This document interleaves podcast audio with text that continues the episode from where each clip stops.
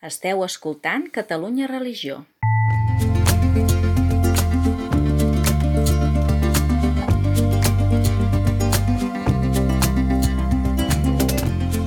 Converses en la frontera, un podcast de Gabriel Jaraba i Xavier Morlans.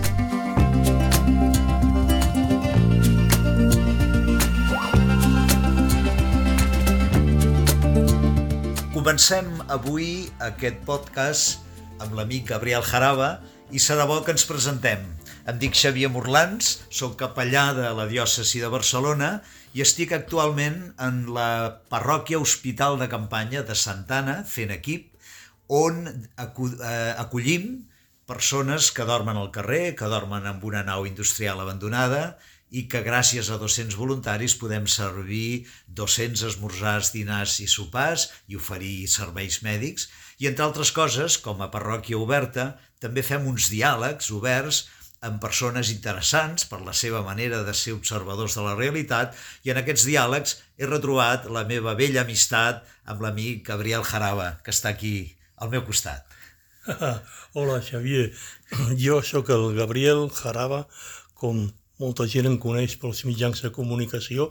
Ara estic retirat perquè ja tinc 73 anys, però encara dono batalles a la xarxa, a internet i a la universitat. Soc eh, investigador convidat a la Universitat Autònoma de Barcelona, eh, especialitzat en comunicació i educació, però també amb els nous mitjans, i em dedico a observar el que passa a la societat en un moment molt canviant, molt interessant, que jo crec que pot ser útil doncs, a la meva feina de més de 50 anys de periodisme en mitjans com el Periòdico, com TV3 i moltes altres revistes i periòdics, mm, per intentar doncs, posar-hi una mica de llum i saber eh, on som i cap on anem en aquesta societat i en aquest món tan apassionants i tan interessants. I algú s'estarà fent la pregunta, no? Què, què hi fan, com s'han trobat, un periodista que ve de l'esquerra històrica, que ve de militància d'aquest tipus, que ve del món del rock, del periodisme, amb un capellà de parròquia. Bé, doncs eh, potser que ho expliquem una mica, no? Sí, a primera vista, que qui no ens conegui podia pensar que som una mica com aquella parella italiana de Don Camilo i Pepone.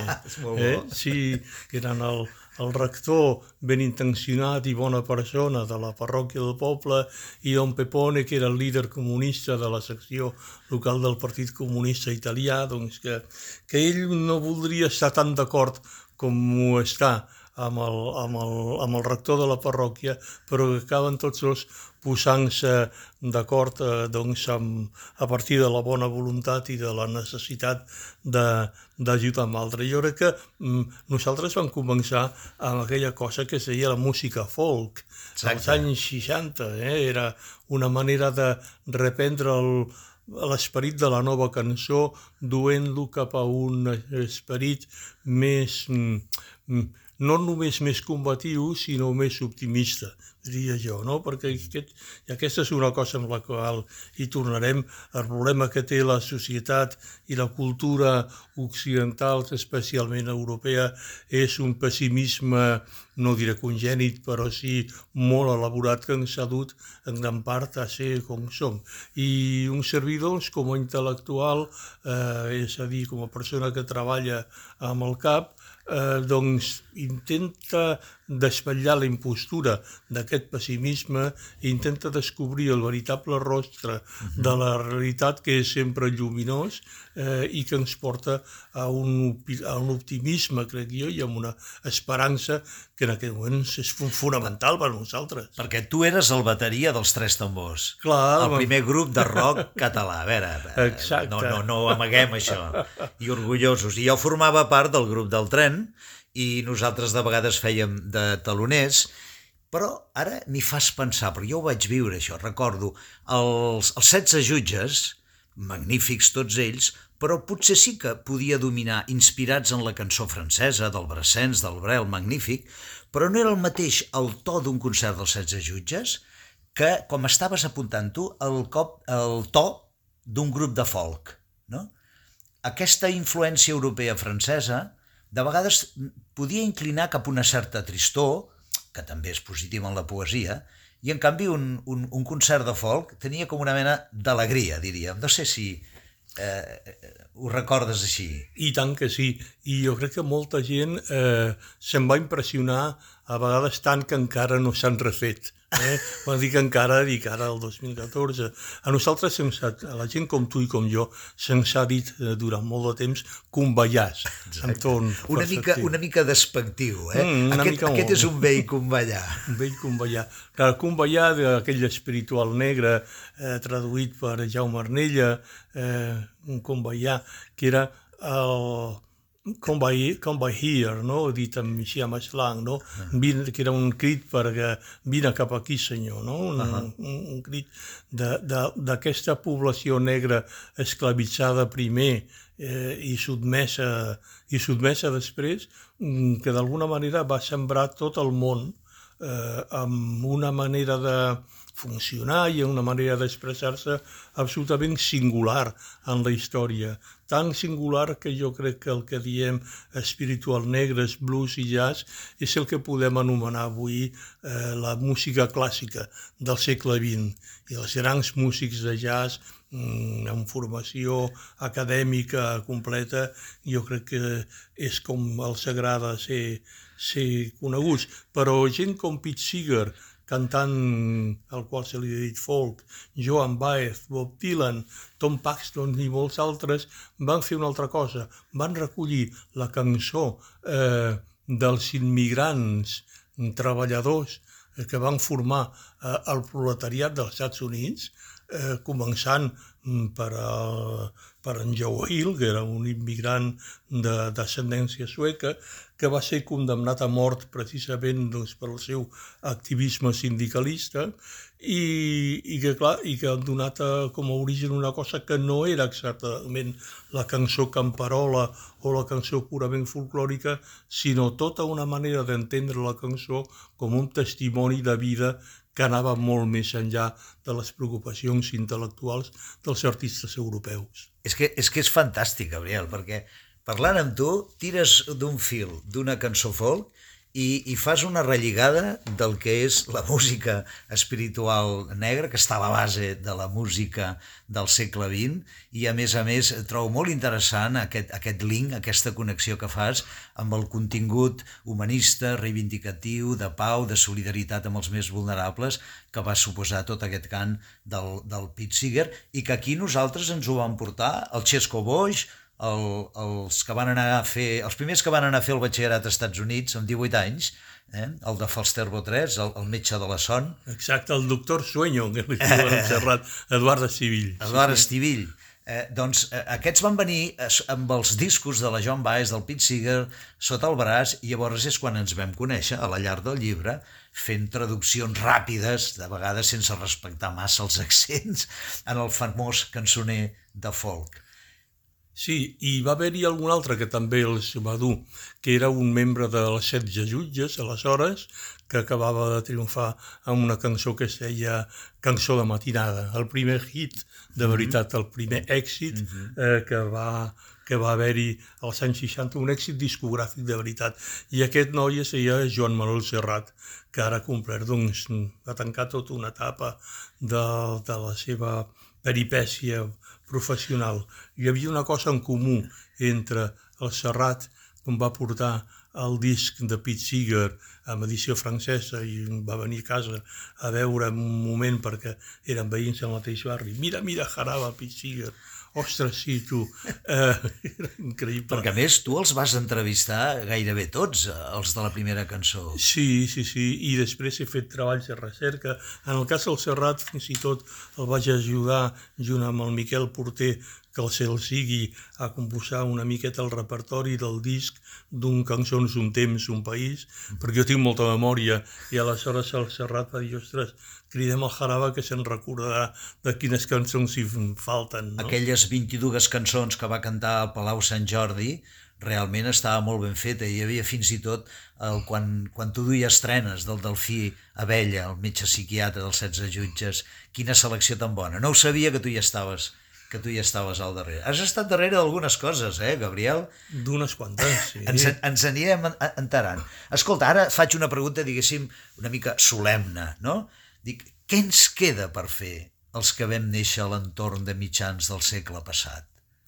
Ens queda acabar de complir la nostra missió de vida, que és mm, recollir l'esperit de la humanitat sorgit de la Segona Guerra Mundial, que havia d'haver estat la darrera guerra mundial, i aquí doncs, hem tingut mentrestant dues guerres més a Europa, una a Iugoslàvia i una altra a Ucraïna, però també altres guerres com la guerra al Vietnam. D'aquí la gran mobilització dels joves, primer a, primer a Amèrica i després arreu del món, perquè aquesta guerra mm, de Vietnam no havia d'haver passat, era perquè era una guerra amb Xina mm, per potència interposada mm -hmm. i el qual va mm, portar un sofriment eh, indef indefinible, no?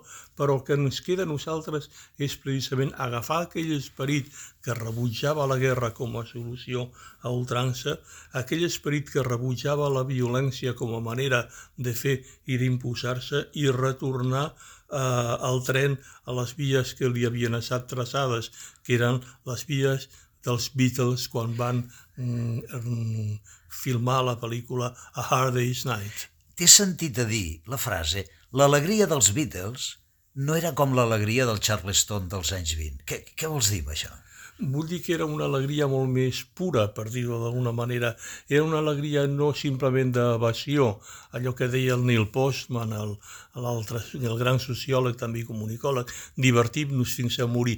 Un tipus d'alegria superficial i barruera que avui dia se'ns està volent tornant a imposar eh? certes músiques dites llatines i que són fabricades doncs, laboratoris molt curiosos, doncs ens volen dur cap aquí, divertim-nos fins a, a morir.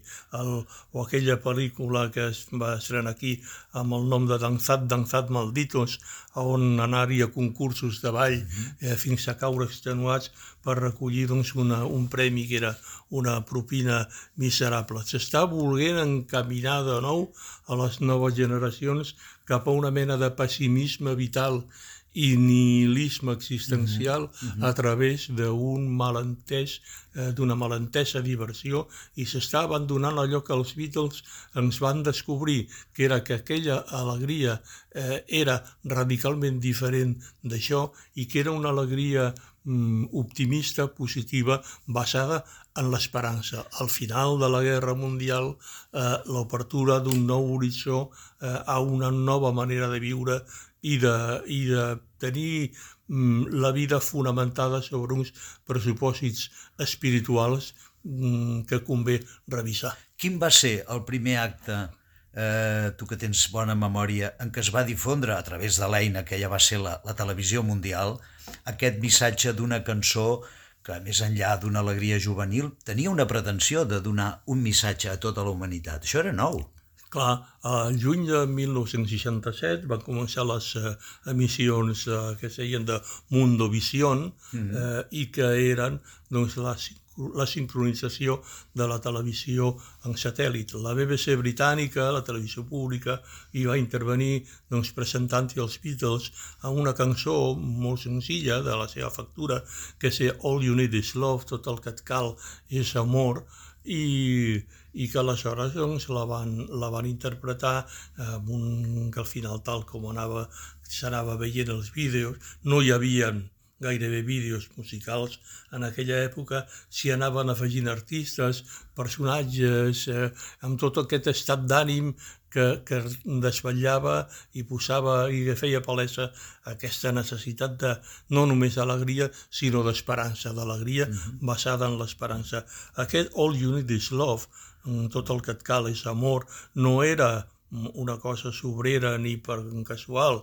Uh, the love you get is love, uh, com ho dèiem, l'amor que, que, que tu en trauràs eh, és exactament igual a l'amor que tu hi posaràs, deia Paul McCartney en una, en una mm -hmm. cançó. Eh, eren cançons que no eren transcendents, les dels mm -hmm. Beatles, eh, però en les quals d'una manera molt subreptícia hi anaven entrant aquests elements que tothom podia entendre i que tothom podia ajustar-se en aquest nou esperit. Hi ha hagut un, hi ha un divorci, oi, Gabriel, entre aquesta música popular i els intel·lectuals que diuen el que és correcte o no correcte i que sempre hi ha hagut aquest tema de la, de la baixa cultura, la cultura popular i l'alta cultura.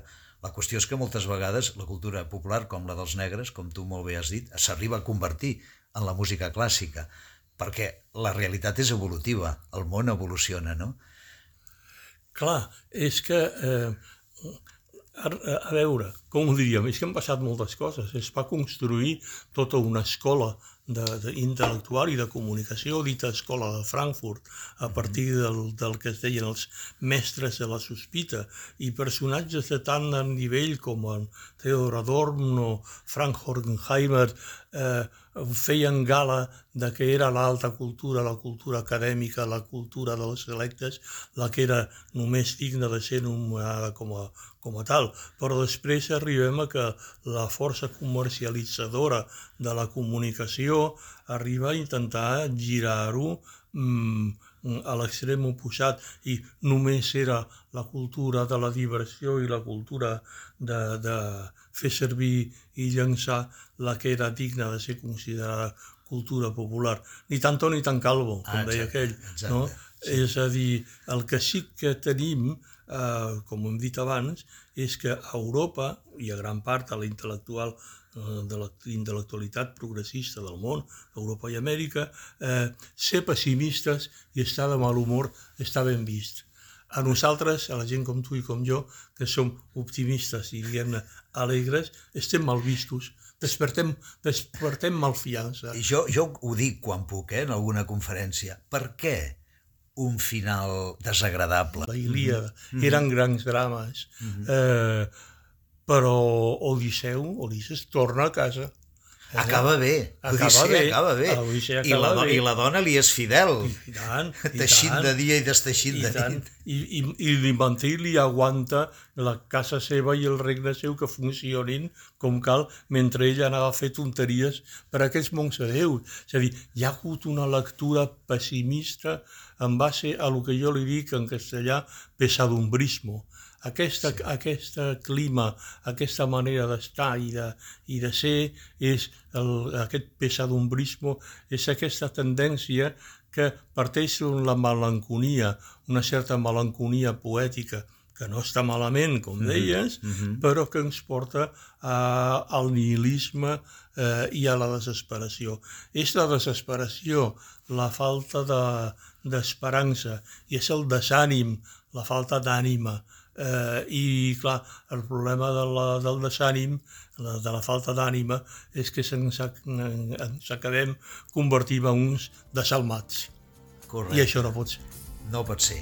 Amics, això promet ser interessant, aquests diàlegs de Don Pepone i Don Camilo, segle XXI, aquest diàleg amb l'amic Gabriel Jaraba, que ve d'un recorregut molt interessant des d'un món, per dir-ho d'alguna manera, més laic, més del, del, de la batalla, del, del cos a cos, del periodisme, de les xarxes, del Twitter, i servidor que estic d'alguna manera més ubicat en espais d'església, en espais també de, de com a Santana, molt propers del Sense Sostre. Seguirem escoltant-nos i esperem que us resulti interessant. Fins a la propera.